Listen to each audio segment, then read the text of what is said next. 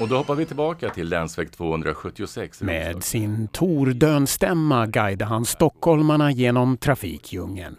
Men är en trafikreporter bara en budbärare eller sysslar hen med journalistik? Alltså i själva radiorapporteringen så skulle jag säga att den kanske inte kommer in så jättemycket. Men vi gör ju faktiskt andra saker också på vår trafikredaktion. Vi hanterar sociala medier.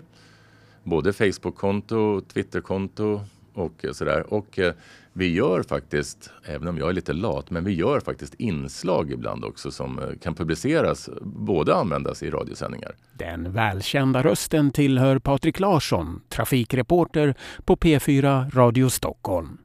Jag hälsade på honom på trafikredaktionen i Radiohuset i Stockholm och fick en mycket intressant rundtur med inblick i trafikrapporter, inringare och en och annan galen historia. Det bästa skulle jag säga, det var en underbar lirare som ringde en morgon och eh, bad mig att han skulle få tillstånd att vända på Essingeleden. För han körde cabriolet. Han hade tappat en portfölj.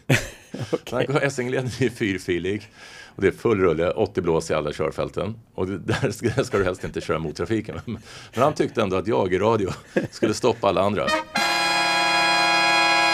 Det finns i nuläget inga rapporter om hinder på vägen tills nästa avsnitt av mediepodden Murvelmarko kommer i slutet av augusti.